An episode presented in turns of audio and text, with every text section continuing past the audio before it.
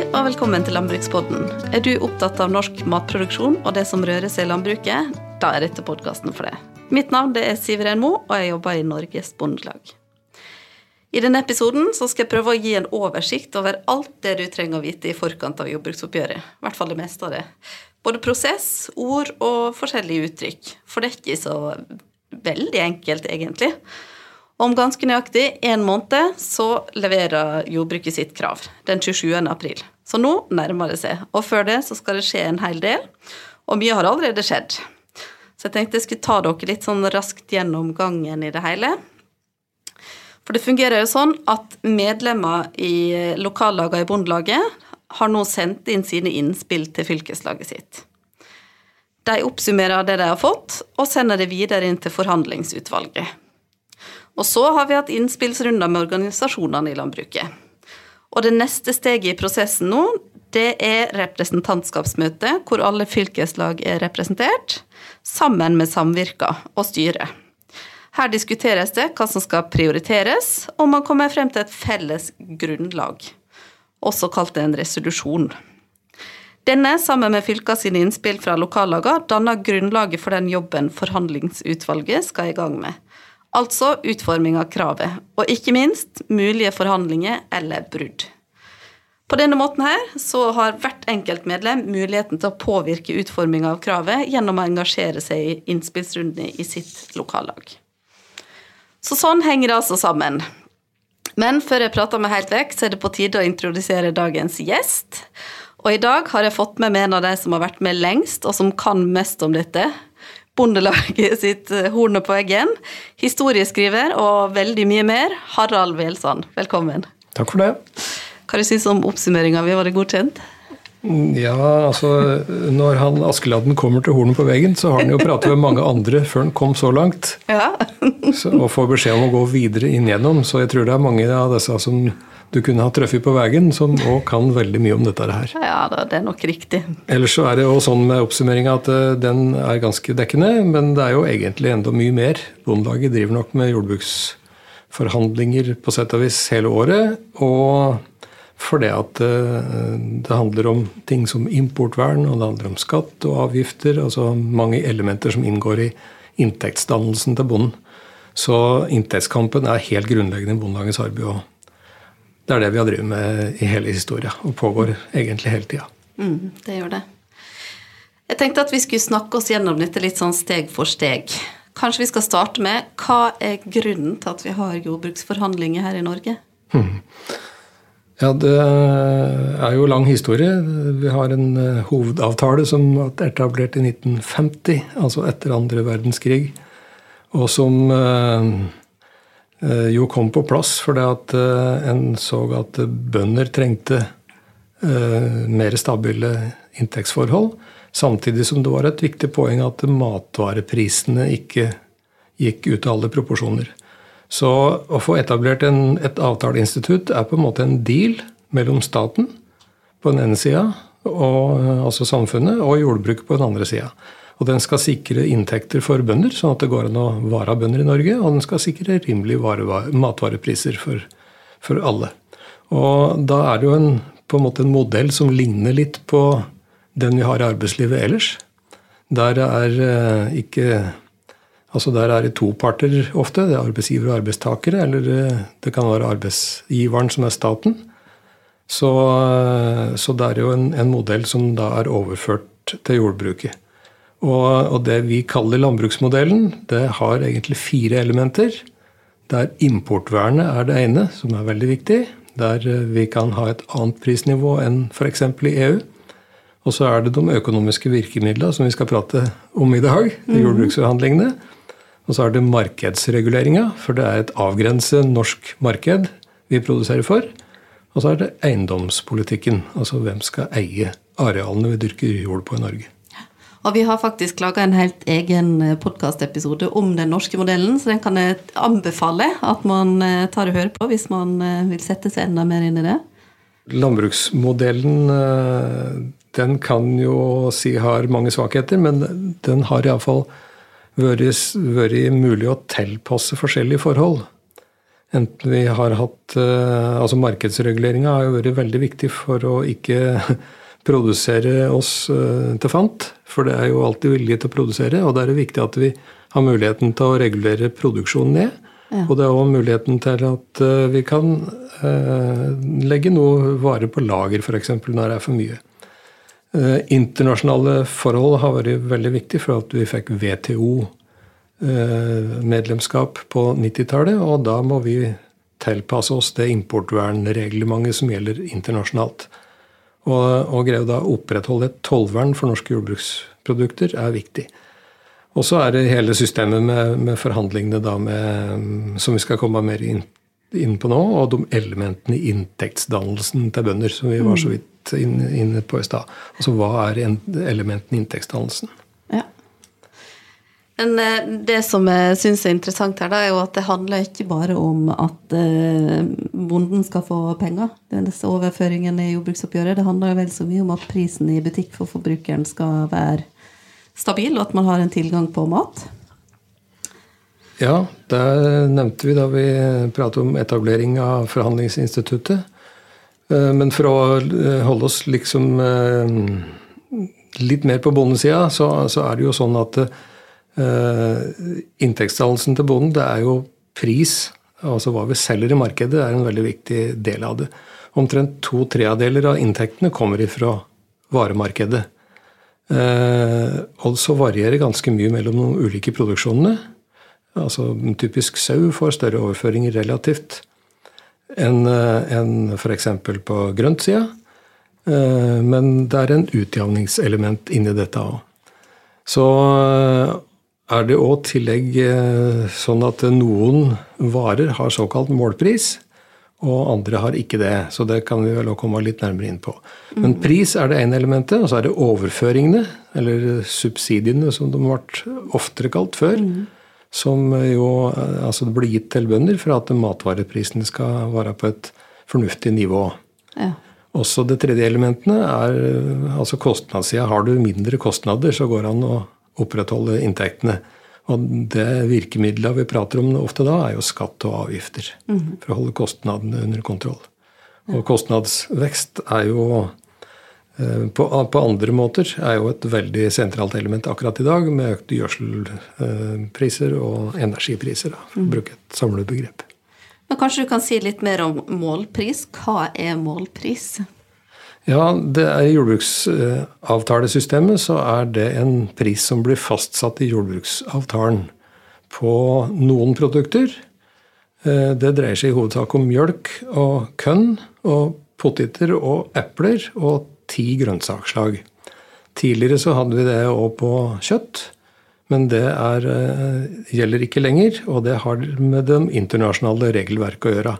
Vi har en begrensning på hvor mye støtte vi kan gi gi gjennom, gjennom målprissystemet. Uh, og, og, det gjør at vi har færre priser, altså færre, færre varer der det blir avtalt målpris. Også, så det heter målprissystemet, men på, den, på de andre om, uh, varene, altså kjøtt, egg typisk, så er, har vi det som heter volumprisen. Og da er det markedsregulator som på en måte bestemmer i markedet prisen eh, som kan tas på det. Og det forhandles i utgangspunktet to ganger i året med kjeden om den markedsprisen de kan ta. Og så er det for så vidt en trea-modell som kalles referanseprismodellen, som gjelder på kylling, der det stort sett er kontraktsproduksjon. Ok, men kanskje vi kan snakke litt mer om overføringen, da. Hva som avgjør hvor mye penger som kommer i den delen som er overføringer, og hvor kommer de pengene fra?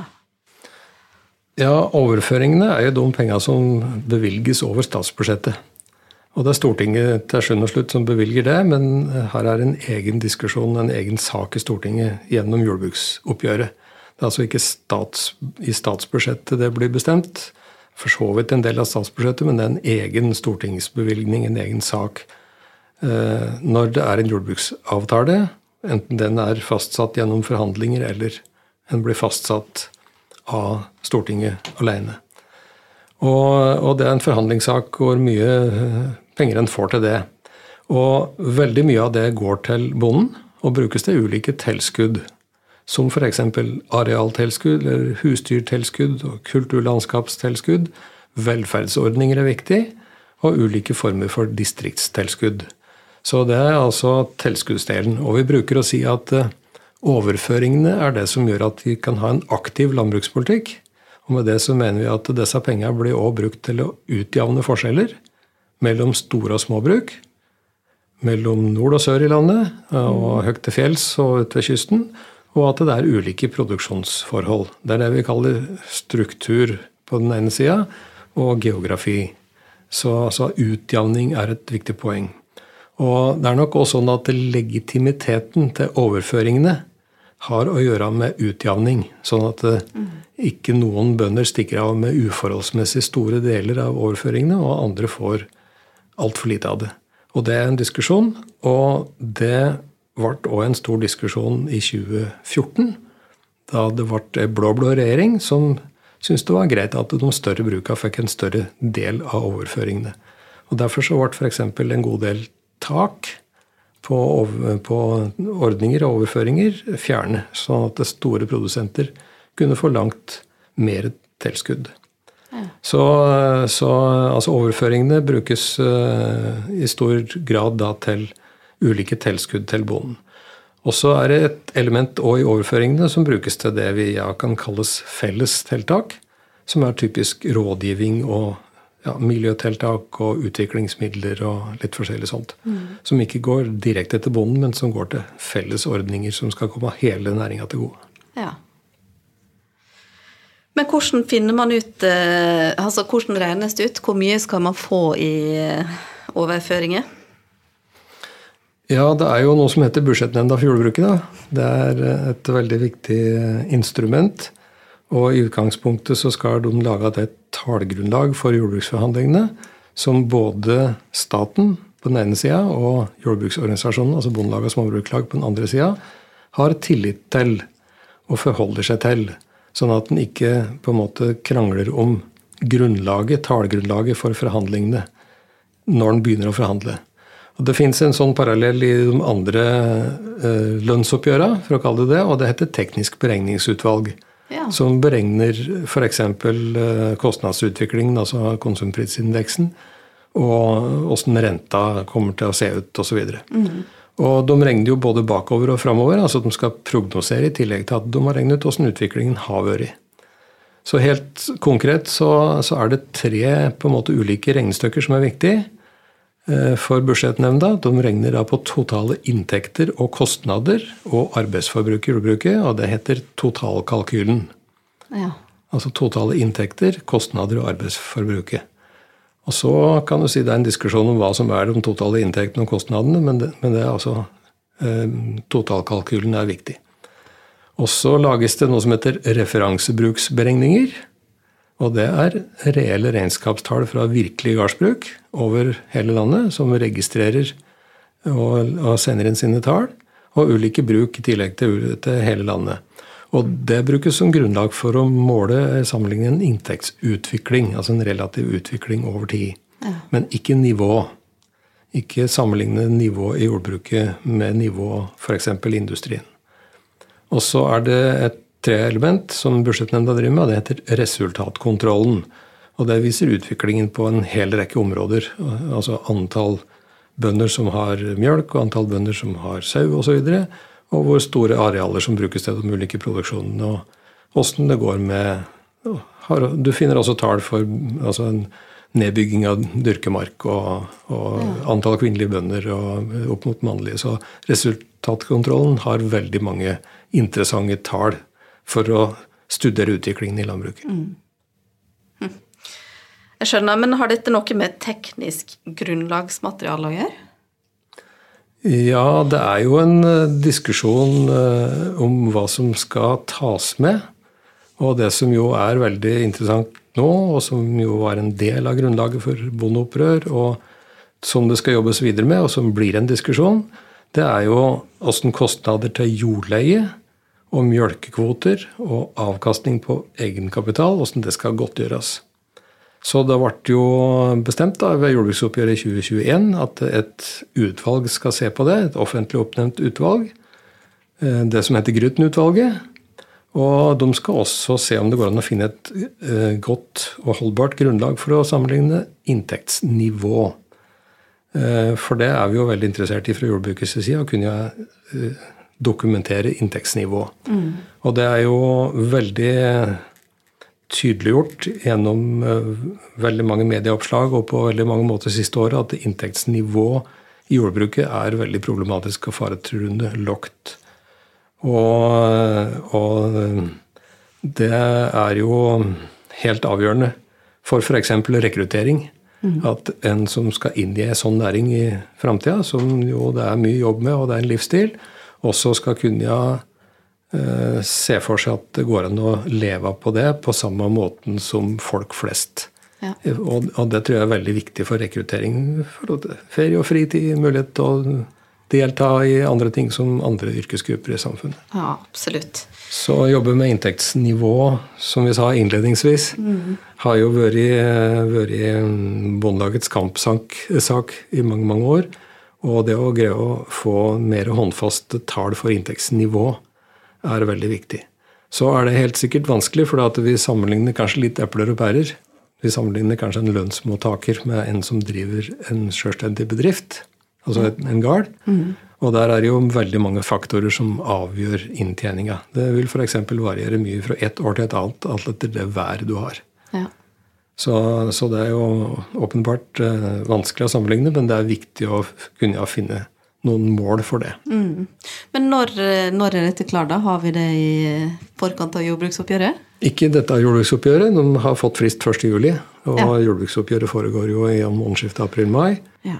Og så skal dette ut på høring, og det, et viktig poeng er å få nye tall som, gir, altså som har tillit hos alle.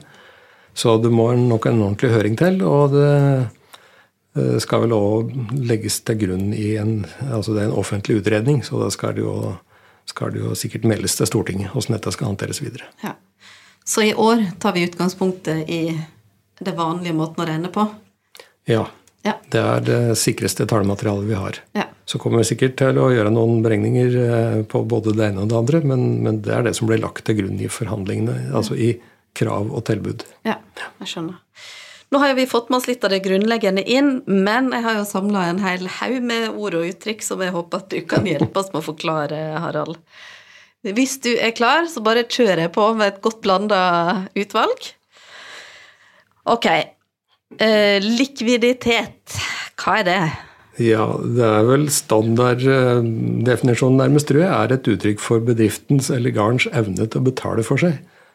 Altså hvor mye penger du har i, i boka eller skuffen til enhver tid, nesten. Altså, og når alle kostnader stiger, som vi har sett nå, så kan det bli et problem med likviditeten. Ok. Ja, Neste ord kanaliseringspolitikk. Ja, her går det i alle hjørner. ja, det gjør det. For å benytte jordbruksarealet vi har i Norge, maksimalt så er det gjennom lang, lang tid det er en arbeidsdeling mellom ulike områder. Så kort sagt så er det sånn at der vi kan dyrke kønn, som er her på Østlandet og rundt Trondheimsfjorden og for så vidt i Rogaland, der skal vi dyrke kønn. Men ja. i store deler av arealene så er det bare mulig å dyrke gras. Og da må vi reservere de områdene for grasdyrking. Det går også an å dyrke gras på Østlandet, og det, noen gjør jo det. Noen driver med, med mjølk her òg, og ammeku. Men hvis vi utnytter på en måte Østlandet fullt ut til eh, grasdyrking, så vil det ikke bli så mye igjen til resten av arealene. Nei. Så Derfor er det viktig for at vi skal utnytte Norges jordbruksarealer mest mulig, at vi har eh, en arbeidsfordeling. Mm -hmm. Så har det kanskje noen negative effekter. Vi kunne godt ha hatt mer husdyrgjødsel f.eks. å bruke i, på kønnjorda i Østlandet. Eh, men som sagt, da ville vi kanskje ha en arbeidsfordeling som altså, gjorde at vi ikke utnytter arealene våre fullt ut. Og det er viktig. Vi har små jordbruksarealer i Norge. Ja, vi har det. Men hva med den eh, aktive produsenten, da? Det er et begrep jeg har hørt en del. Hvem er det? Ja, hvem er aktiv, og hvem er ikke så aktiv? Ja. Da tenker vi vel ofte på noen som sjøl driver med, med, planter eller husdyrproduksjon. Det er jo mange som eier en gard, men som ikke driver den sjøl, og, og leier den ut. Altså leiret jordbruksarealet til andre. som da er nettopp de aktive produsentene. Men det kan jo være både heltids- og deltidsprodusenter som er aktive. Ja. Om du driver 200 mål med kønn, så er du en aktiv produsent, men det er vel neppe en fulltidsprodusent. ja, ikke sant. Så det handler om du, om du eh, jobber på gården sjøl, da, egentlig. Om du er aktiv i eh, å drive. Ja. Og så er det jo mange måter å være aktiv på. En kan jo være klassisk eh, levere jordbruksprodukter inn til en varemottaker. Eller en kan foredle sjøl og delta på bondens marked. Så det er mange måter å være aktiv på. Ikke sant. Og så har jeg lest litt, og så ser jeg at det finnes en del forkortelser som i hvert fall jeg syns kan være litt vanskelig. Tenkte vi kunne starte med RMP. Ja. Regionalt miljøtilskudd i jordbruket, tror jeg er det offisielle navnet. Hvorfor heter det Som RMP, er da? te- regionalt miljøtilskudd i jordbruket, ja. ja. Det er vel program, tenker jeg det er en pen står for. helt sikkert. Ja, så det er tilskudd for å gjøre miljøtiltak på egen gard, eller den, den jorda du eventuelt leier. Ja. Og så blir det forvalta av statsforvalteren, sånn at uh, her er det mulig å, å på en måte gjøre litt ulike prioriteringer, og det ble gjort i de ulike landsdelene på det. Og systemet er under debatt. Det ble utredet i fjor og er, eh, skal opp i jordbruksforhandlingene i år. Og hvis det er litt omfordeling av midler, så blir det alltid debatt rundt det. Så jeg spår litt debatt rundt RMP. Ja. Ok, ja, da er det bra vi vet hva det betyr. Og så lurte jeg på IBU-midler. Hva er det, da? Ja, investerings- og bedriftsutviklingsmidler i landbruket. Da har vi òg vært inne på det helt offisielle navnet på det. Og det er jo landsdekkende midler da som skal gå til tilskudd til etablering av enten ny virksomhet, altså etablere tilskudd. Det kan være tilskudd til bedriftsutvikling, eh, til investeringer i produksjonsanlegg. Tilskudd i gjødsellager og investeringer i frukt- og bærdyrking eller i forbindelse med generasjonsskifte. Så det har forstått et vidt formål Ja. men uh, investeringsmidler. Og det blir jo diskutert eh, investeringsmidler over jordbruksavtalen, og det blir diskutert investeringsmidler direkte over statsbudsjettet. Og det kom jo 200 millioner eh, til det siste i forbindelse med dette, den nye regjeringa og det nye statsbudsjettet. ja. Og et viktig område um, framover er jo investeringer i løsdriftssystem for mjølkeku- og storfekjøttproduksjon. Så å få tilstrekkelige midler til det for å greie overgangen til løsdrift er jo en veldig viktig sak. ja. Og så pleier det å stå litt om tak og trappetrinn på ulike tilskuddsordninger. Ja, det er, vi nevnte at eh, overføringene skal brukes til aktiv landbrukspolitikk. Ja. Og derfor så eh, er det forskjell på hvor mye tilskudd på de ulike ordningene du kan få, litt ettersom hvor stort areal du har, og kanskje litt av hvor stor produksjon en har. Så når det gjelder trappetrinn og, og hvor, altså hvordan trinna skal være, hvor stor forskjell det er på tilskuddssatsen, enten du er over eller under så, så mange mål, det, det er en årlig diskusjon. altså Der, der eh, finjusterer han innretningen på landbrukspolitikken. Ja. Og det skal virke til utjevning. Og så er det taket. Det ble jo på en måte innført, tror jeg, for ganske mange år siden.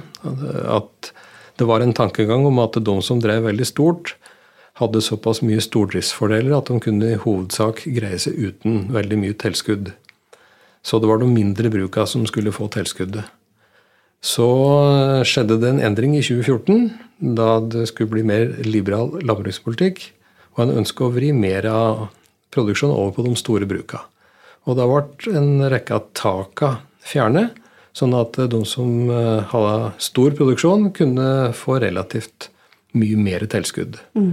Og, og det ble jo da på en måte en, en vridning av hvor tilskuddene har havnet, og en endring i forhold til tidligere.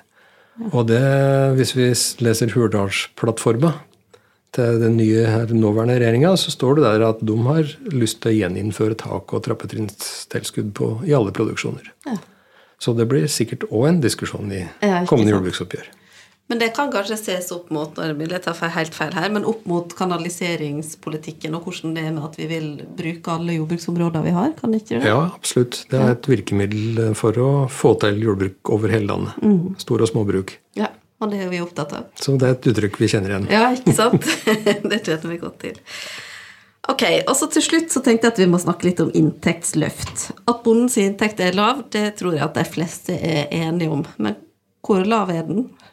Kan du svare på det? ja, Vi prater jo om Grytten-utvalget i stad, og at vi ikke har noe altså eksakt mål for det gapet. Mm. Så det er vel vanskelig å si. Eh, noe konkret tall for det, og det er jo veldig mange ulike typer bruk. Mm. Så, men at inntektsnivået er lågt, det tror jeg folk flest oppfatter. Eh, både i næringa og etter hvert flere og flere utafor næringa. Ja. Så, så et, altså et inntektsmål har jo de fleste regjeringer hatt. Så jeg tror vi faktisk skal gå tilbake til, til 1970-tallet. Da det var et opptrappingsvedtak på Stortinget der det ble sagt at eh, bonden skulle ha samme inntektsnivå som den gjennomsnittlige industriarbeideren. Mm. Det varte fram til ca. 1992. Da forlot den det inntektsmålet eh, gjennom noe som heter stortingsproposisjon nummer 8. Og det var da vi fikk eh, grunnlaget at utviklingen skulle, altså utviklingen som skulle måles, og ikke nivået. Eh, og siden den tida så har de aller fleste regjeringene òg hatt som mål, eh, og gjennom stortingsmeldinger, at det er inntektsutviklingen som skal være som i andre grupper.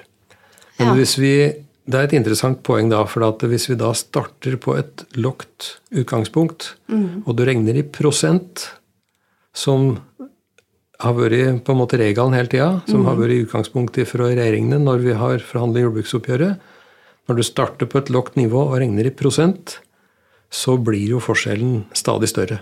Ja, det og det er det gapet vi og det har snakket om? Da? da oppstår det et gap. Ja. Så, så, og, og, dette har jo på en måte utviklet seg over, over tid. Eh, hvis vi går tilbake til den forrige rød-grønne regjeringa, mm. så kom en heller ikke veldig mye lenger enn å prate om utvikling som andre. Nei. Og kanskje tette noe av gapet, men liksom det er virkelig å, å, ha som målsetting at gapet skulle tettes, og at nivået skal bringes til å bli det samme, mm. det har han ikke hatt siden før 1992. Så det at den nåværende regjeringa har det, er jo på en måte løfterikt. Mm. Og det har vi jobbet for i Bondelaget i mange mange år. Ja. Og det ble veldig tydelig på årsmøtet i år. Så, så, det å jobbe med å tette det gapet, det er jo det som er den store målsettinga. Og så har jo dagens situasjon med helt galopperende og helt ville kostnadsøkninger sjølsagt gjort at eh, det å greie å tette gapet, i tillegg til å dekke alle kostnadsøkninger, det betyr at eh, årets jordbruksoppgjør ble mer enn spennende. ja, det tror jeg vi kan si helt sikkert. Og det blir jo det med å, å tette dette inntektsgapet som er prioritet nummer én inn i jordbruksoppgjøret. Og så tenkte jeg til slutt på dette med rammer, for man snakker veldig mye om hva er ramma i jordbruksoppgjøret. Men jeg tror faktisk at vi må komme tilbake til det i neste episode, fordi da skal vi snakke om selve jordbruksoppgjøret. Og så håper jeg at dere som har hørt på, henger med oss da òg. Og så må jeg bare si tusen takk for at jeg har fått lov å bruke det som leksikon, Harald. Og takk til dere som har hørt på. Mitt navn det er Siveren Mo, og du har hørt på Landbrukspodden, en podkast fra Norges Bondelag.